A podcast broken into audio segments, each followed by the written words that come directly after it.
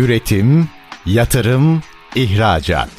Üreten Türkiye'nin radyosu Endüstri Radyo sizin bulunduğunuz her yerde. Endüstri Radyo'yu arabada, bilgisayarda ve cep telefonunuzdan her yerde dinleyebilirsiniz. Endüstri Radyo.com Çetin Ünsal'ın hazırlayıp sunduğu Reel Piyasalar programı başlıyor.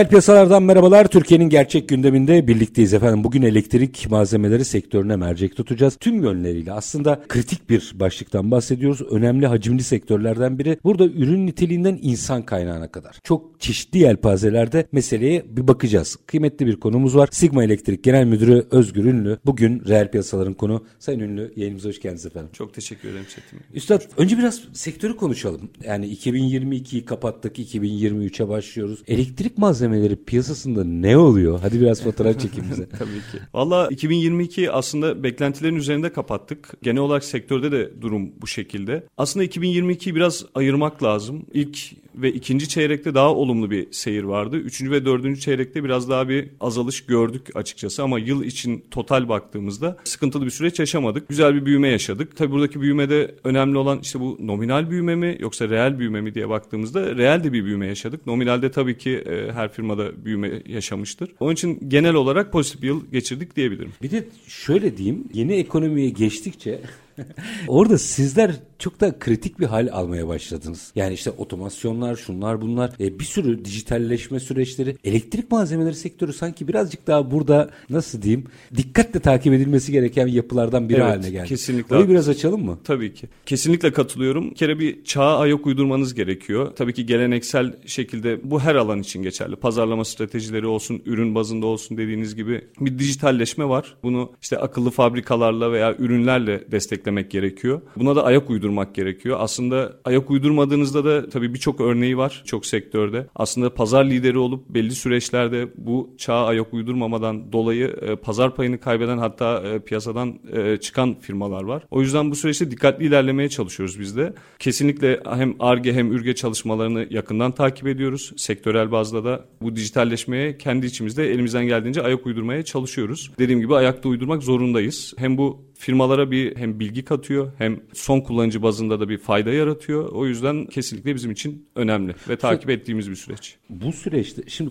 yıllar önce TSE İstanbul Şube Başkanı Rıfat Kabukçu buradan kulakları çınlasın. Herhalde şimdi yurt dışında bir yerde. Şöyle bir hikaye anlatmıştı bana elektrik malzemeleri sektöründen. Mesela son derece nitelikli firmalar ve nitelikli ürünler var. Uygulamada çılgın şeylere rastlıyordu. Yani arada nitelikli kabloların gelip hı hı. arkadan niteliksiz kabloların uygulaması falan. Uygulamalarda belli bir yere geldi mi? Çünkü siz bir emek veriyorsunuz. Bir ortaya bir performans koyuyorsunuz. Ürün koyuyorsunuz. Ama uygulamada ondan sonra ihalesi size çıkabilecek bir sürü sıkıntı olabiliyor. Çok doğru. Burayı biraz açalım. Düzeldi mi o işler? Yani eskiye nazaran daha iyi. Onu söyleyebiliriz. Ama dediğiniz gibi şimdi normalde baktığınız zaman aslında standartlara uygun bir üretim yapıyorsunuz. Biz kendi tarafımızda bu şekilde ilerliyoruz. Birçok firmada bu şekilde ilerliyor ama tabii bunu uygulamayanlar da var. Bakıyorsunuz şartnamelerde işte standartlar yazılı her şey aslında çok net. Birçok şeyde matematik ve hani analitik aslında. İnsi, yani inisiyatife yani, yer vermeyecek kadar açık tabii aslında. Tabii kesinlikle yani. yani hiçbir açık nokta yok aslında baktığınızda.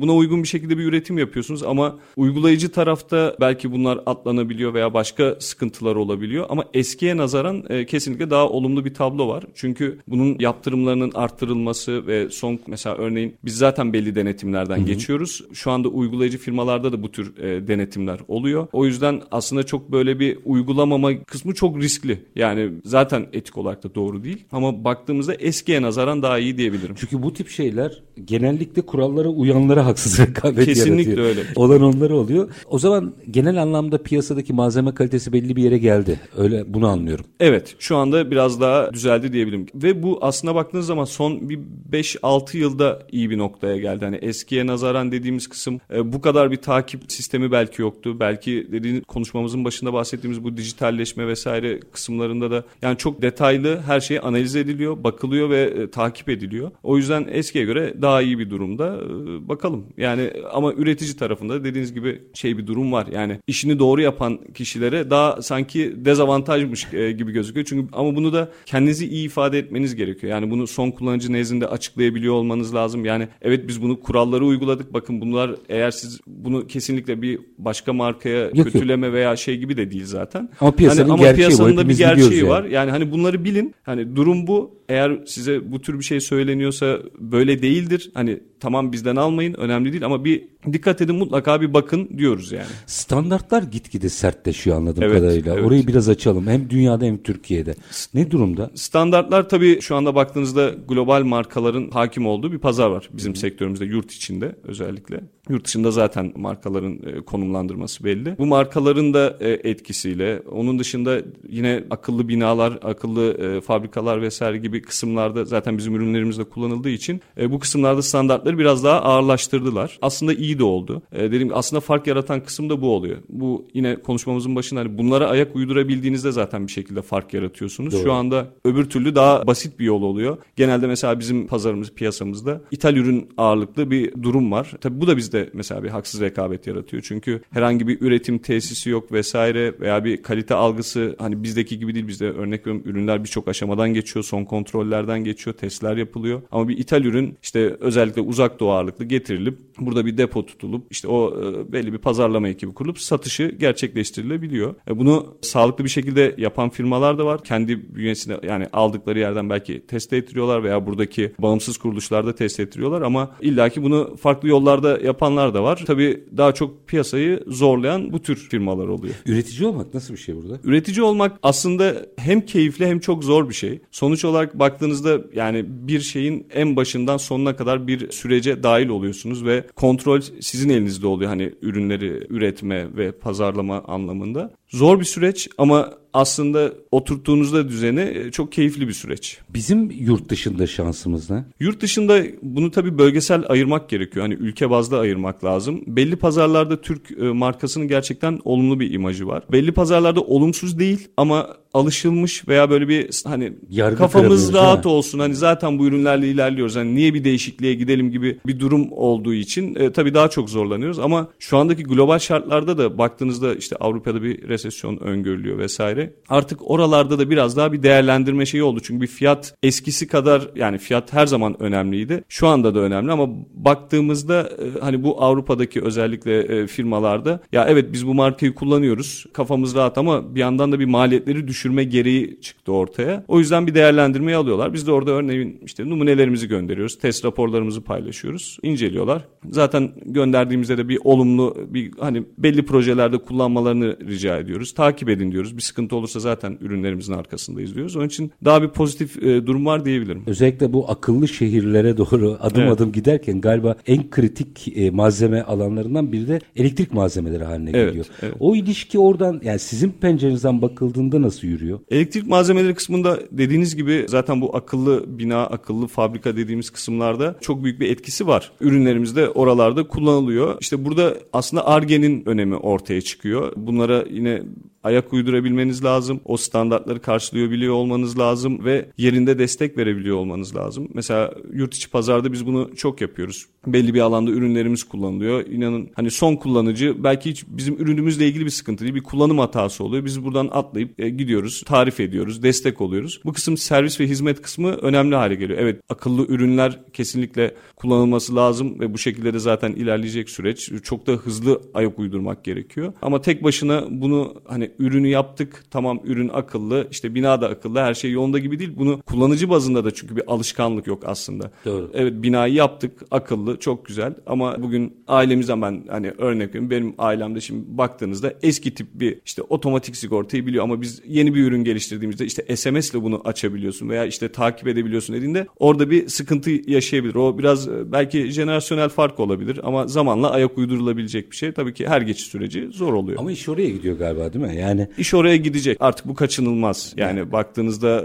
artık hep diyoruz yani insanlar uzaya roket gönderiyorlar, şey yapıyorlar falan diye. Burada da artık bu noktaya geleceğiz. Yani o eski sistem yavaş yavaş kalkacak gibi gözüküyor. e, bunu çok iyi uygulayan birkaç arkadaşım var. Cep telefonundan bütün evi yönetiyor. Galiba geleceğin evleri de veya bence şeyleri de fabrikaları da böyle. İş buraya gidiyor galiba. İş buraya doğru gidiyor. Örneğin işte üretim tesislerinde biz mesela bir otomasyon yatırımları yapıyoruz. Yeni bir fabrikamıza geçeceğiz. Taşınma durumumuz var. Orada da bir otomasyon sistemi kuruyoruz örneğin. Bu şekilde de ilerleyecek. Yani işte GES kurduk. O şekilde ilerleyecek orası da. Yani baktığınızda artık sürdürülebilir enerji ve bu işte dijitalleşme artık kaçınılmaz oldu. Kesinlikle ayak uydurmamız gerekiyor. Hazır oraya atıfta bulmuşken yeşil mutabakat Evet, desem. Tabii. Şimdi ufak ufak başladı. Evet. 1 Ocak 2023'ten itibaren sürece başladık. Orada ne durumdayız? Orada dediğim gibi biz yeni bir yatırımımız oldu. Fabrikamıza geçeceğiz. Orada da güneş enerji sistemlerini kurduk. Temiz enerji bizim için önemli. Ee, İşte bu karbon salınımları vesaire. Aslında eski dönemde çok böyle önemsenmeyen hani bir şekilde sözlü konuşulan şeylerdi. Ama artık bunun bir etkisi olduğu, kesinlikle önemsendiği ve birçok firmanın artık e, bu şekilde üretim tesislerini kurmaya başladığını görüyoruz. Bu noktada biz de e, kendi içimizde adımlarımızı attık. E, Buna göre yatırımlarımızı yaptık. Tabii ki bu yatırımlar ciddi maliyetler oluşturuyor ama aslında bu tür şeylere orta ve uzun vadede bakmak lazım. Hani kısa vadede sanki bir maliyet yapıyorsunuz ama sanki bir karşılığı yok gibi gözüküyor ama aslında kesinlikle öyle değil. Baktığınızda birçok yurt dışındaki fabrikalarda olsun geziyoruz, görüyoruz, e, dostlarımızı ziyaret ediyoruz. E, Bu sisteme entegre olduklarını görüyorsunuz ve orta ve uzun vadede de bunların böyle matematiksel planları yapılmış. Yani geri dönüşümü kaç yılda olur vesaire gibi. Biz de bunların fizibilitesini hazırladık. Kesinlikle çok daha faydası olacağını görüyoruz. Onun için uzun soluklu bakmak lazım. Hani bunu bir maliyet gibi değerlendirmek değil de hem çevreye duyarlı hem gerçekten maliyet anlamında da belli bir noktadan sonra size olumlu etkisi olacak bir yatırım olarak görmek lazım. Bir de galiba siz çok mercek altındasınız. Sektör olarak da çok mercek altındasınız. Yeşil mutabakat ve o süreç Öyle. diyelim verimlilik deyince. İşte bu elektrikli araçlar vesaire bu geçiş süreçlerinde tabii elektrik baktığınız zaman çok geniş bir kapsam. Biz de bu kapsamın içinde yer alan ürün gruplarını üretiyoruz ama çok geniş. İşte kablosu var, trafoları var, başka tip ürünleri var. Çok geniş bir kapsam. Ama ilk etapta dediğiniz çok doğru. Böyle bir mercek altındayız. Hani bakalım sektörler ne yapıyor veya hani bununla ilgili bir e, adımda adım atıyorlar mı? Bir yatırımda bulunuyorlar mı diye biz yoğun bir şey altındayız. e, Gözlem altındayız. Hem iyi hem kötü tabii bu. Yani e, tabii onda da kısa vade uzun vade var. Kısa vadede böyle bir gerginlik şeyi e, illaki olur yani. yani. Çünkü baktığınız zaman aslında bizim de alışık olmadığımız bir şey. E, biz de bazı şeyleri yeni yeni öğreniyoruz, araştırıyoruz, bakıyoruz. E, ekiplerimiz bunlarla ilgili detaylı çalışmalar yapıyor. Ama onunla da orta ve uzun vadede aslında biz bir adım öne geçmiş e, olacağız diye düşünüyoruz. Gün geliyor çünkü artık satış yapılamayacak bir durumla karşı karşıya Evet. kalacağız. Uyum sağlanması. Şimdi minik bir araya gideceğim. Aranın ardından bir de insan kaynağı boyutu var ki onu da açmak istiyorum. Minik bir ara yapalım. Aranın ardından Sigma Elektrik Genel Müdürü Özgür Ünlü ile elektrik malzemeleri sektörünü konuşmaya devam edeceğiz. Kısa bir ara lütfen bizden ayrılmayın. Üretim, yatırım, ihracat. Üreten Türkiye'nin radyosu Endüstri Radyo sizin bulunduğunuz her yerde. Endüstri Radyo'yu arabada, bilgisayarda ve cep telefonunuzdan her yerde dinleyebilirsiniz. Endüstri Radyo.com Kısa bir aranın ardından reel piyasalarda tekrar sizlerle birlikteyiz. Biz sohbete devam ediyoruz. Sigma Elektrik Genel Müdürü Özgür Ünlü konuğumuz. Şimdi e, aslında konuştuğumuz meseleleri tek tek açmak istiyorum. Ama bunlarda bir kritik nokta var ki sanıyorum herkesin derdi şu ara eleman sorunu. Şöyle bir ifadeniz var verdiğiniz bir röportajda. Ara eleman sorununun çözümü için el birliğiyle hareket edilmeli. Nedir el birliğiyle kastettiğiniz şey? Şöyle ara elemanla ilgili gerçekten sadece biz değil sektör hem bizim sektörümüz hem farklı sektörler çok sıkıntı yaşıyorlar. Buradaki ana problem gerçekten eski dönemde işte usta, kalfa dediğimiz aslında vasıflı işçilerin artık yetişmiyor olmasından kaynaklı bir şey. E, Bunun sebebi şöyle hani hep beraber hareket edelim dediğimiz kısım burada mesleki liseler, mesleki liselere destekler olabilir veya bununla ilgili eğitimler olabilir. Biz mesela kendi içimizde e, şehirlere turlar düzenliyoruz. Bu okulları ziyaret ediyoruz. Aslında bu konulara ısındırıcı ve e, buna daha insanların sıcak bakacağı hale getirmek istiyoruz. Çünkü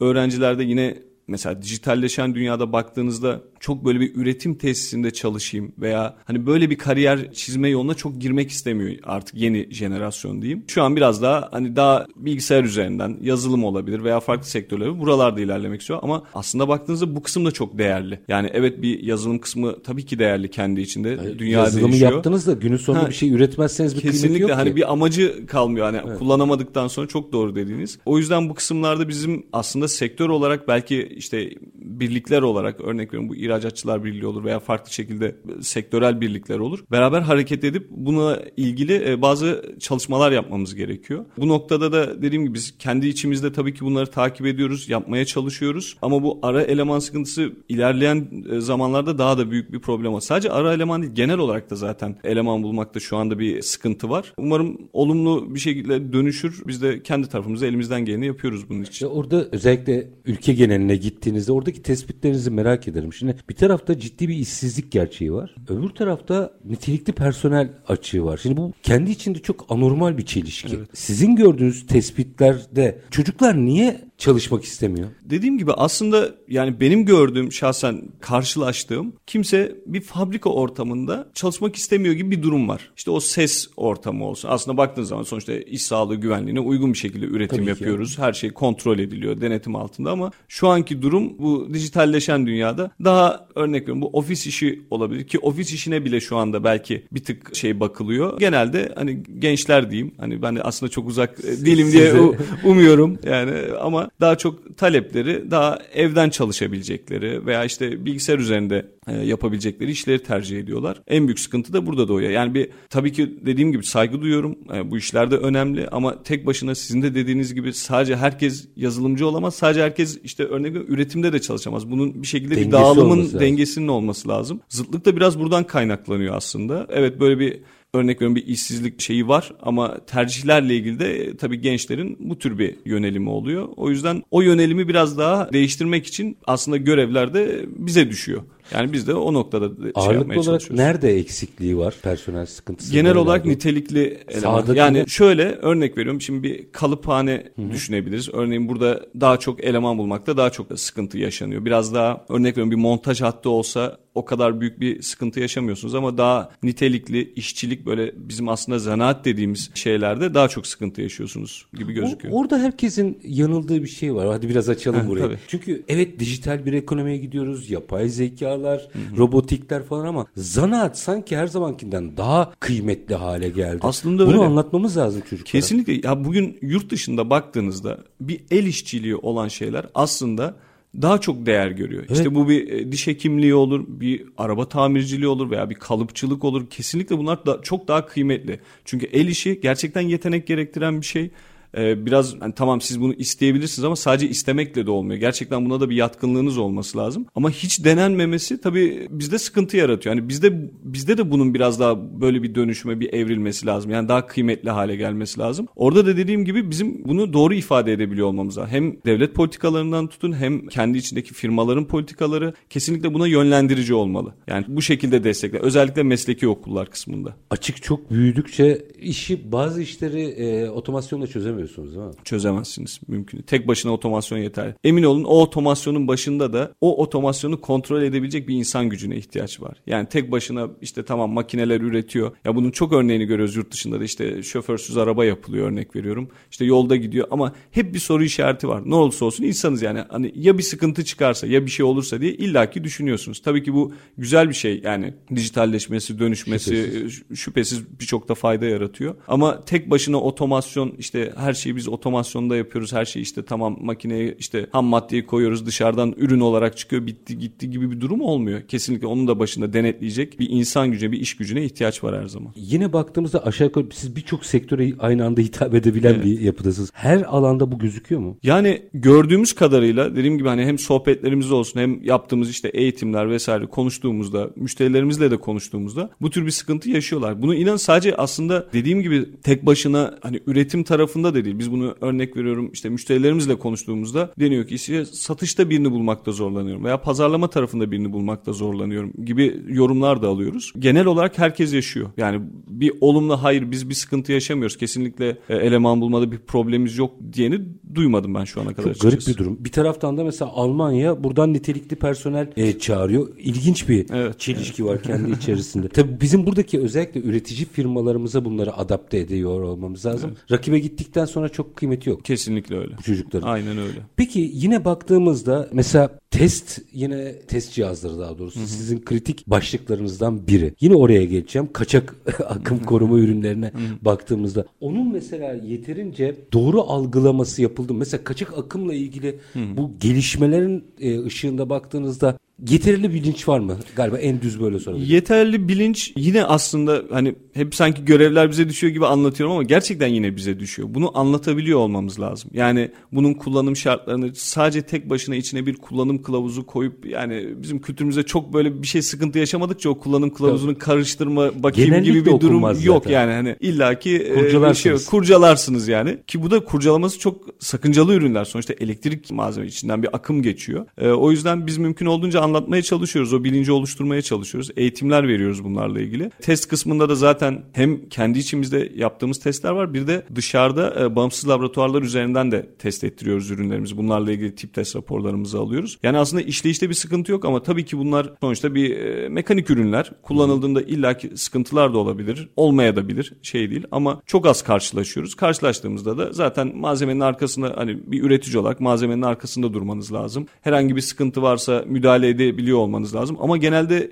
inanın yaşadığımız sıkıntı aslında ürün kaynaklı olmuyor. Biraz daha kullanım kaynaklı oluyor. Burada Bu kısımlarda bilinçlendirmek işte gerekiyor. yani. İşte evet kesinlikle öyle. Yine aynı yere geliyor. Aynen yani. öyle. Yani onu oraya bağlayan ustanın da tabii ki hani bir bilinci var şeyi var ama ürün değişiyor. Üründe bir yenileme oluyor. Biraz daha eskide kalınca Aa, burada böyle bir tuş yoktu. Bu tuş nereden çıktı gibi bir bakış açısı olabiliyor. Hani sanki gereksiz koyulmuş gibi oluyor o tuş. Fazla ama halbuki bir amacı var ya. Hani şey vardır ya böyle hani bir mobilya şeyi alırsınız hep biz Fazla evde parça kurduğumuzda koymuşlar. hani hep fazla parça çıkar. Biraz onun gibi oluyor yani. Onun için o kısımda da bilinçlendirmek e, aslında üreticinin görevi olarak görüyoruz biz. Çok fazla her şeyi üreticiye yıkmıyor muyuz? ya insan Yani- ister istemez böyle düşünüyor. Ya tabii şimdi bunlar aşamalarla ilgili. Şimdi biz üzerimize düşeni yaptıktan sonra artık biraz da vicdani bir rahatlık var. Aslında biz üzerimize düşeni yaptık. Artık geri kalan örnek veriyorum işte dediğim gibi devlet tarafında destekler bekliyoruz. İşte kullanıcı tarafında bir bilinç oluşturmaya çalışıyoruz. Artık biraz o tarafa da kalıyor. Tabii bu tek başına üretici işte bunu anlattı bitti gibi bakamayız. Bu bir takım işi aslında. E, Her aşamada herkes kendi görevini doğru şekilde yapıyor olmalı. Biz de hani kendi görevimize odaklandık. Biz elimizden geleni yapalım mottosundayız biraz da. O yüzden evet üreticinin görevi çok ama Ya bu garip da işin bana. kaçınılmazı. İşte nitelikli ürün üret istiyoruz. Geliştir istiyoruz. Teknolojiye uysun istiyoruz. Her şey. Onun dışında işte haksız rekabeti de önlesin. Ara eleman problemi de çözsün falan. İşte mucize gibi bir şey bu. Bu yormuyor mu? çok yoruyor ama dediğim gibi aslında işinizden keyif alıyorsanız bir şekilde bunu pozitif şeye çevirmeye çalışıyorsunuz. Ama tabii ki destek beklediğimiz kısımlar oluyor. Yorucu bir süreç gerçekten desteğe ihtiyacımız oluyor o kısımda. İşte bu biraz önce bahsettiğim işte birliklerin kurulması, beraber bir araya gelinmesi, organizasyonlar düzenlenmesi, bunların anlatılması, bir şekilde ifade edilebiliyor olması önemli bizim için. Yani örneğin tekrar da teşekkür ederim davetiniz için. Sonuçta burada biz kendimizi ifade edebiliyoruz. Yani bu da bir destektir bizim tarafımızda. Burada gelip bu konuları konuşabiliyor olmak bizim için çok önemli. Her yerde çünkü bunu e, aktaramıyorsunuz. Daha çok kulak istemez. vermek lazım. Teşekkür ederiz. Yani gerçekten öyle. Çünkü hani çok aşırı yükleniyoruz gibi geliyor. Her şeyi çözsünler istiyoruz. Evet çözün. Tamam.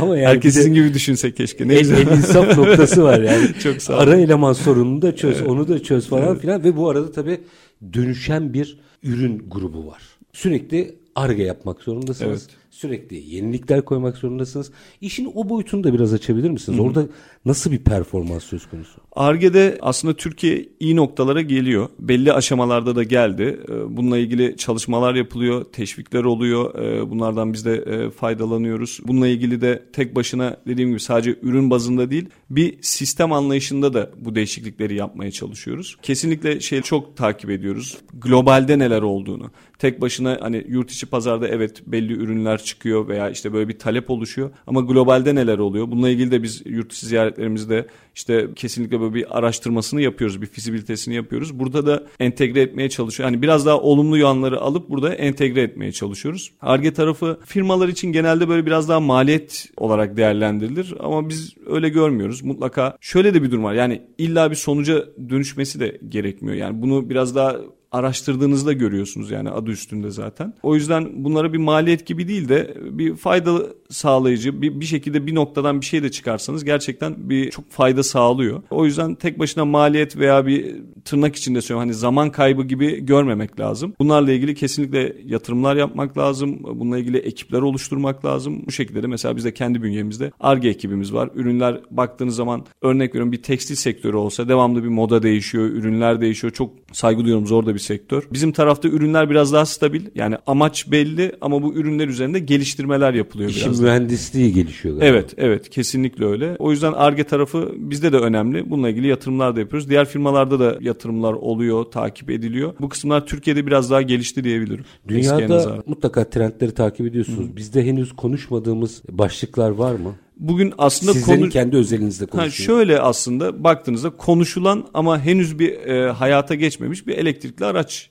şeyi var mesela. Onu açacağım şimdi. Ha, baktığınızda çok bizim ülkede dediğim gibi çok konuşuluyor. Elektrikli araçlara geçilecek işte yakıt e, işte bu emisyonlar vesaire kısmı düzelecek diye. Bu da ülkede konuşuluyor ama bununla ilgili tabii bir altyapı gerekiyor. Bugün yurt dışı ziyaretlerimizde de çok görüyoruz. Aslında Avrupa'da da tam olarak geçilmiş değil. Yani bir kesin bir şeyler var. Örnek veriyorum bununla ilgili işte istasyonlar var. Yol kenarlarında şarj istasyonları var vesaire Pilot ama var. tam böyle bir geç, geçilmiş mi deseniz değil. Yani bunu rahatlıkla görebiliyorsunuz. Aslında orada da yine şeye geleceğim. Hani üreticiye düşüyor diye şey yapacağım. Yine biraz orada üstümüze alalım şeyi. Bunu da bilinçlendirmesi gerekiyor. Yani tek başına işte evet devlet politikaları önemli ama üretici tarafında da bunun anlatılması lazım. Herkes de ister istemez kültürel olarak şöyle bir durum illaki düşünüyorsunuz. Ya işte ya işte yolda elektriği biterse veya ya şöyle olursa ya böyle insanların soru işaretlerini gidermek lazım. Yani o kısımda baktığınızda biraz böyle bir Türkiye'de hani gördüğüm sohbetler arasında konuştum. Ya şöyle olursa ya hani hep bir olumsuz tarafa bakma şeyimiz var ne yazık ki. Böyle bir şey olur ama işte yakıt olsa işte kafam rahat biliyorum ne kadar gideceğini gibi sohbetlerde hep öyle konuşuluyor. Ama bununla ilgili de yine o da kaçınılmaz. Gözüken böyle bir geçiş süreci olacak. Ee, Önemli olan Türkiye'nin buna ne kadar sürede adapte olduğu çok geriden takip etmemesi gerekiyor. Bizim orada birazdan açacağım şimdi girizgahı olsun diye söylüyorum.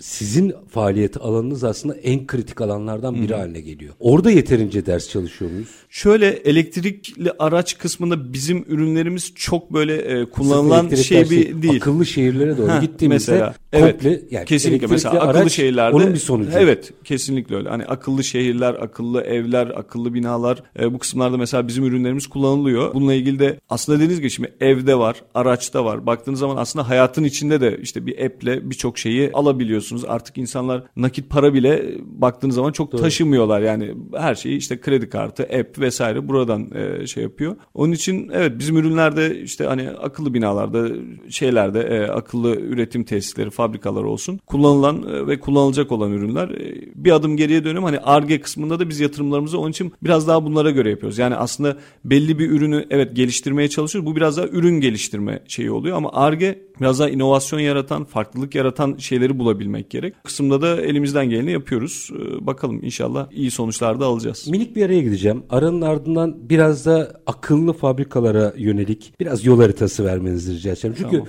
burada dikkat edilmesi, seçimlerde dikkat edilmesi gereken noktalar var. Çünkü o bir aksam. Evet, Ve o evet. aksamın belli bir kompozisyon, bir ahenk içinde çalışıyor olması lazım. Orada yapılan yapılabilecek hatalar ne, dikkat edilecek noktalar ne? Sizin ürün grubunuz açısından baktığımızda minik bir ara. Aranın ardından açacağız. Efendim Sigma Elektrik Genel Müdürü Özgür Ünlü konuğumuz. Kısa bir ara. Aranın ardından reel piyasalar devam edecek. Lütfen bizden ayrılmayın. Üretim, yatırım, ihracat.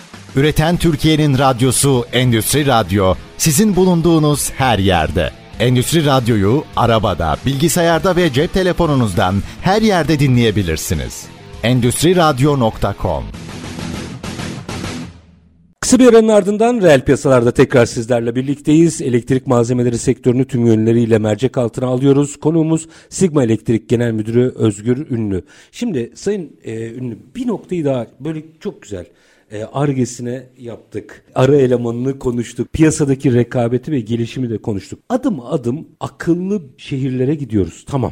Ne kadar ulaşacağız bilmiyorum ama ondan daha yakında olacak olan akıllı fabrikalar. Şimdi akıllı fabrikalar açısından baktığımızda sizin elektrik ürünleriniz açısından baktığınızda orada hani okyanusu geçip derede boğulmamak için neye dikkat etmesi gerekiyor firmaların? Seçimlerinde nelere dikkat etmesi gerekiyor? Biraz burayı açarsanız sevinirim. Şöyle dediğiniz gibi akıllı binadan önce önce bir akıllı fabrika olması lazım. Bu akıllı fabrikalarda da dikkat edecek aslında birçok nokta var. Şimdi biz bazen planlı programlı ilerleme kısmı aslında çok önemli. Şimdi tek başına ben akıllı bir bina yapacağım. Akıllı bir fabrika yapacağım. Ben buradan işte şöyle bir verim alacağım. işte şu maliyetlerim düşecek diye genel kapsamda bir bakılıyor ama plan program çok buna uygun yapılmıyor. Aslında burada bir zaman skalası oluşturulması lazım. Biraz açın. Şöyle mesela konuşmanın başında bahsettiğim işte kısa dönem, orta dönem, uzun dönem diye şeyleri bölmek gerekiyor. Ve aşamalı ilerlemek gerekiyor. Örnek veriyorum işte biz bir solar sistemi kurduk. İşte bunun bir geri getirisi ne zaman olur? Maliyeti ne kadar? Bunun fizibilitesini rakamsal ve verilere dayalı bir şekilde ortaya koyabiliyor olmak lazım. Bunu koyduktan sonra işte otomasyon sistemi. Bu otomasyon sistemi evet işte örnek veriyorum belki işçilik azaltacak ama bu işçiliğin azaltılmasının karşılığında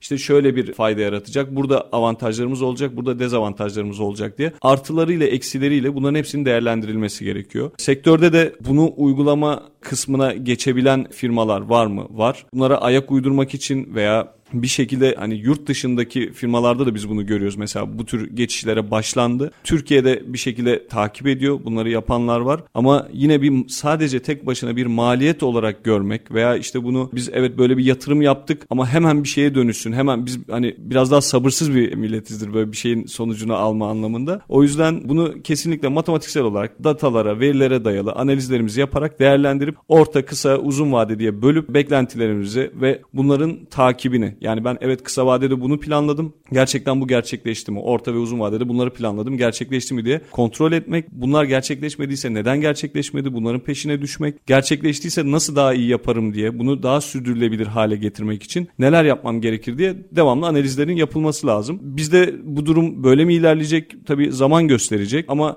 baktığınızda kesinlikle bir operasyonel verimlilik yaratacaktır. Bu artık dediğim gibi kaçınılmazdır. Kaçınılmaz. Örneğin bir ihracat bizim e, birçok pazarda ürünlerimiz de satılıyor. İhracatımız var. Baktığınızda oralara ayak uyduramadığınızda inanın geriye döndüğümüzde bu ihracat kısmını da etkileyecek. Örnek veriyorum yurt dışındaki bir müşteri buraya geldiğinde fabrikanızı gezmek istiyor. Buradaki teknolojinizi gerçekten merak ediyorlar. Artık içeride örnek veriyorum bin çalışanımız var. İşte şöyleyiz böyleyiz falan yetmiyor, diye anlatmak yetmiyor. Kesinlikle nasıl bir teknolojik altyapınız var? İşte örnek veriyorum çünkü onlar da kendi içinde risk analizlerini yapıyorlar. Ben evet seni tedarikçi olarak seçtiğimde sen burada bir sıkıntı yaşadığında fabrikanda nasıl çözüyorsun bunları tek tek anlatıyorsunuz. Buna işte audit diyorlar bir gözetim yapıyorlar. Bu gözetimler çok da detaylı oluyor. Sadece test aşamaları değil birçok aşama işleyişe bakıyorlar aslında. Yani bu bir yönetim sistemine bakıyor. Tek başına işte evet bu teknolojik olarak olmuş veya şu olmamış gibi değil. Uzun bir soru listeleri oluyor. Bu soru listelerini tek tek soruyorlar ve kesinlikle bunları ispatlı bir şekilde karşılığını bekliyorlar. O yüzden ihracat tarafında da bizi etkileyecek bir şey. Yani oradaki beklenti, oradaki yurt dışında pazardaki özellikle Avrupa baktığınızda Türkiye'nin en çok e, ihracatın olduğu bölgeler Avrupa'da. O yüzden oralara ihracatımızın devam edebilmesi, daha sürdürülebilir hale gelmesi ve aslında fark yaratabilmemiz için şimdi baktığınızda işte pandemi döneminde beklenen şuydu aslında. Yani kesinlikle işlerde bir düşüş olacak. Nasıl yöneteceğiz? Bununla ilgili bir sıkıntı olacaktı ama ilginç bir şekilde pandemi dönemi aslında ihracatta çok ülke bazlı demiyorum bunu. Totalde baktığınızda çok pozitif geçti. Evet. Yani kimse ben hani hiç bunu. kimse bekle hiçbirimiz beklemiyorduk böyle olmasını. Ama baktığınızda çok olumlu geçti. Hatta geçen sene işte bu e, yılbaşı dönemi işte e, yabancılar bu Noel dönemi vesaire daha ölü geçer gibi düşünülen bir dönemdi. Ama çok hareketli geçti. Yani bu sene daha yavaş geçti doğru, baktığınızda. Doğru. Onun için yani konuya tekrar döneyim. Hani akıllı binalar kısmında da ayak uydurmamız, uyum sağlamamız çok önemli. E, bununla ilgili doğru matematiğin yapılması lazım ve sonuçların devamlı ölçülüyor olması lazım. Bütün bu süreç şimdi elektrik galiba geleceğin ekonomisinin bir numaralı başlığı. Bunu ister akıllı fabrikalar açısından yapın, ister akıllı evler. Bir elektrik bir gün kesin Hayat yaşadık durur. bunu biliyorsunuz. Evet. Sizin dijital operasyonunuz da bitiyor. Elektrik bu kadar kritik konuşulurken elektrik malzemelerinin bu kadar az konuşuluyor olması garip değil mi? Çok garip gerçek. Yani sorun yaşamadıkça önemsenmiyor diyeyim.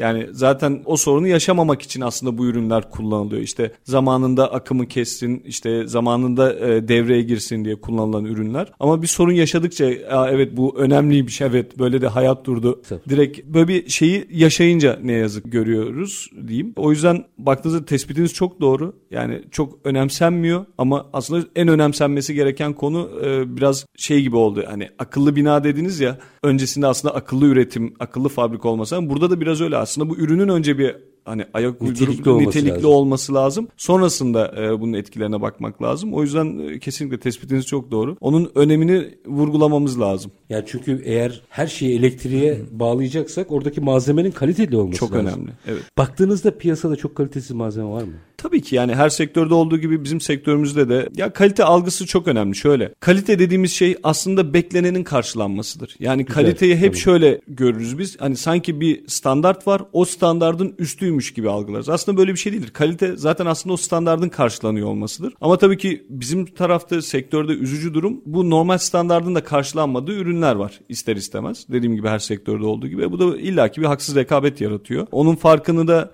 ne yazık ki acı tecrübeyle biraz daha son kullanıcı yaşıyor. Dediğiniz gibi işte hani elektrik aslında en önemli kısım ama bununla ilgili bir sıkıntı yaşadığında görebiliyor bunu. Ee, onun için orada standartlara uygun olunması, bir markanın malzemesinin arkasında durabiliyor olması, bir muhatabınızın olması çok önemli. O haksız rekabeti yaratan firmalar diyeyim çok zaten o malzemenin arkasında olmazlar. Belki hani biraz daha e, tek seferlik pazarlamayı veya bu ticareti yapıp ikinci sefer belki ulaşamayacağınız insanlar olabilir. O yüzden son kullanıcı da o anlamda seçimlerinde aslında e, biraz daha dikkatli olması, marka bilincinin olması veya işte ulaşabileceği kalite algısının işte kalite ile ilgili ispatlı bir şekilde belgelerinin, raporlarının vesairelerini inceleyip ona göre bir seçimini yapması tabii daha doğru olur. Üstad baktığımızda bizim yurt dışı pazarlar sizin 82 ülke Evet. galiba değil mi? Evet. Ağırlıklı olarak nitelikli pazar dediğimiz kalıcı pazarımız hangisi? Baktığınızda Avrupa aslında. Avrupa. Bizim genel olarak telikli Sektörün pazar, yani. sektörün daha çok ihracatının olduğu pazar. Ama diğer pazarlarda da tabii ki dediğim gibi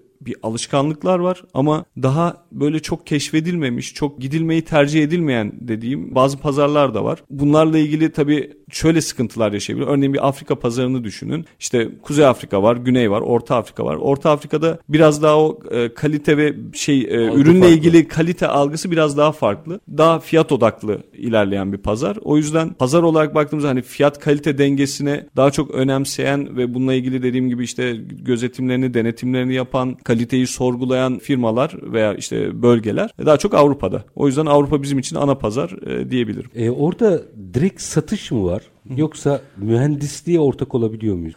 Aslında olabildiğimiz noktalar var. Belli ihaleler oluyor örneğin. Bizim hani mesela direkt bayilik usulüyle çalıştığımız firmalar da var. Bir de projelere direkt örneğin bir devlet projesi oluyor. Buralara teklif verip direkt dahil de olabiliyoruz. Çok Onun için kıymetli çünkü. Çok kıymetli kesinlikle. Yani bir devlet projesinde zaten ürününüzün kullanılması inanılmaz bir aslında orada size bir pazarlama çalışması yapmışsınız gibi oluyor. Yani yeri geldiğinde belki örnek veriyorum maliyetine verip o pazara girmek için veya o pazarda ürününüzün yayılması için bu tür bir strateji de belirleyebiliyorsunuz. Tek başına aslında bir ticari olarak bakmaktan ziyade tabii ki hani her işletmenin amacı bir şekilde kar etmektir. Bu normaldir sonunda zaten ayrı. günün sonunda. Ama bunu dediğim gibi tek başına zaten kar etmeyi hedefliyor olsanız inanın bazı pazarlara giremezsiniz de ve bununla ilgili bir, bir ticaretiniz de olmaz. Ee, biz de öyle bakmıyoruz. Pazarlarda yer almak istiyoruz. Markamız yayılsın istiyoruz. Ee, o nedenle bu tür projelerde de yer almak için hani elimizden geldiğince tüm desteği de vermeye çalışıyoruz. Hani zamanında ürünlerimizi yollayalım. Kalite algısıyla ilgili gerekirse bir eğitim verelim, bilinçlendirelim e, kısmında elimizden geleni yapıyoruz e, bu tür işlerde de. Üstad 3-4 dakikam var ama 3-4 dakikada şu meseleyi biraz konuşmak isterim. En baştan beri hikayenize bakıyorum aslında. Belli bir yolculukla çıkmışsınız. Yani yolculukta onu hissediyorsun. Geliştireyim, dünya pazarlarına açılayım, kaliteli olayım vesaire. Bütün bu süreçte, bütün bu dönüşümü okurken mesela sizin pencerenizden ben yarını sektörün hayalini okumanızı rica ederim.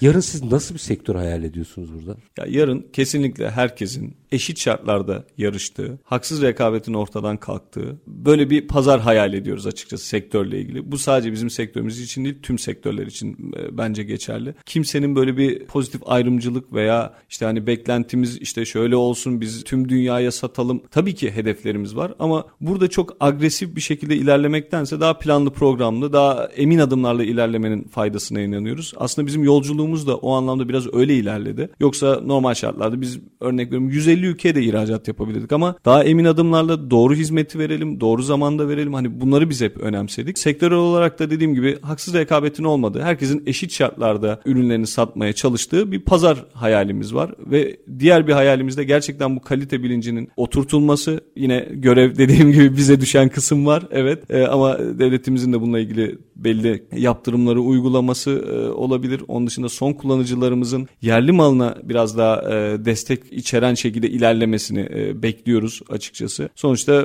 burada üretilen bir şey buradaki insana ister istemez dokunuyor ve faydası oluyor. Burada bir istihdam sağlıyoruz. Onun için tabii hem son kullanıcı bazında hem devlet bazında hem kendi e, dediğim gibi bizim tarafımızda bir şekilde herkesin taşın altına elini koyması gerekiyor diye düşünüyoruz. E, hayalimizde haksız rekabetin olmaması, kalite bilincinin oturması. Onun dışında çok şey bir e, beklentimiz yok. Aslında normal şeyler belki baktığınızda. Bunu hayal ettiğinize bunu göre hayal ettiğimize çok göre sert yaşanıyor demektir. evet çok sert yaşanıyor ne yazık ki. Ondan dolayı zaten. Biz bütün bu süreçte yani sektör üstü üretici gözüyle bakarsanız her şeyde çok mu acele ediyoruz? Evet çok acele ediyoruz. Yani hemen sonuca ulaşsın. Çok işte hemen işte ben bununla ilgili örnek veriyorum yatırım yaptım hemen sonucunu alayım. İşte şunu yaptım hemen sonucunu alayım. Buna böyle bakmamak lazım. Daha sabırlı olmak lazım. Mesela ben daha ihracat tabanlı biriyim. Yani ihracatta biz hep deriz ki ihracat sabır işidir. Yani ilk bir gidersiniz olmaz. ikincisinde bir numune yollarsınız. Üçüncüsünde bir fuarda görüşürsünüz. Bir bakıyorsunuz bir buçuk sene geçmiş. Örnek veriyorum çok düşük bir tutarlı işe başlıyorsunuz. Sonra o müşteri bir anda sizin anahtar müşteriniz olmuş 3 sene 4 sene sonra. Biraz daha böyle bakmak lazım konu. Yani bunlar hani bir tarlaya eker gibi sonuçta tohumları ekiyoruz. Onun filizlenmesi, yeşillenmesi ve ürünleri almanız vakit alıyor. Bunu çok aceleci davranmamak lazım. Acele ettiğinizde galiba o müşteriyi de kaçırıyorsunuz. Kesinlikle öyle. Bir müşteri kaçırmanız çok önemli değil. Bütün bir pazarı kaçırabilirsiniz. Pazarı da kaçırabilirsiniz aynen. Onun için çok acele etmemek lazım. Daha sağlam, daha emin adımlarla ilerlemek lazım. Süren bitti ama son bir cümle daha alıp size öyle veda edeyim. Bütün bunlara baktığımızda elektrik malzemeleri sektörüne baktığınızda ürün niteliğinden piyasa koşullarına ki haksız rekabet istemiyoruz dediğinize göre orada canınız yanmış belli. Evet. Ara eleman probleminden ürün ve uygulama ilişkisine kadar baktığınızda bu sektörün nereye gideceğini düşünüyorsunuz? İki cümle alayım öyle veda edeyim. Sektörün kesinlikle olumlu bir şekilde ilerleyeceğini düşünüyorum. Dediğimiz gibi bu bilinçler yavaş yavaş oturuyor. Eskiye nazaran çok daha iyi, çok daha olumlu olacağına inanıyoruz biz. Yani herhangi bir daha kötüye gideceğini düşünmüyoruz. Kesinlikle daha olumlu olacağını düşünüyoruz. Yavaş yavaş bu bilinçlenme oluyor. Bunu dediğim gibi aslında etkilerini de pazarda görmeye başladık. Çok daha güzel günler göreceğimize inanıyorum. Yüreğinize sağlık. Bizler de Biz takip etmeye devam teşekkür edeceğiz. ederiz. Tabii. Sigma Elektrik Genel Müdürü Özgür Ünlü. Çok teşekkür ediyorum. Ben efendim. teşekkür ederim Çetin Bey. Var olun. için sağ olun. Estağfurullah. Efendim bugün reel piyasalarda elektrik malzemeleri sektörüne mercek tuttuk tüm yönleriyle. Aslında sadece bugünü konuşmadık Sayın Ünlü. Gelecekteki sektörün gideceği yol, dönüşüm, bakın yeşil mutabakat, o dijitalleşen hatta güneş enerjisine yatırım yapan bakış açısı sanayicimiz aslında kendini dönüştürüyor. Ama Sayın Ünlü'ye de ifade ettiğim gibi biz galiba her şeyi sanayiciden çok fazla bekler hale geldik. Biraz onların işini kolaylaştırmamız gerekiyor. Her zamanki gibi bitirelim. Şartlar ne olursa olsun paranızı ticarete, üretime yatırmaktan, işinizi layıkıyla yapmaktan ama en önemlisi vatandaş olup hakkınızı aramaktan vazgeçmeyin. Hoşçakalın efendim.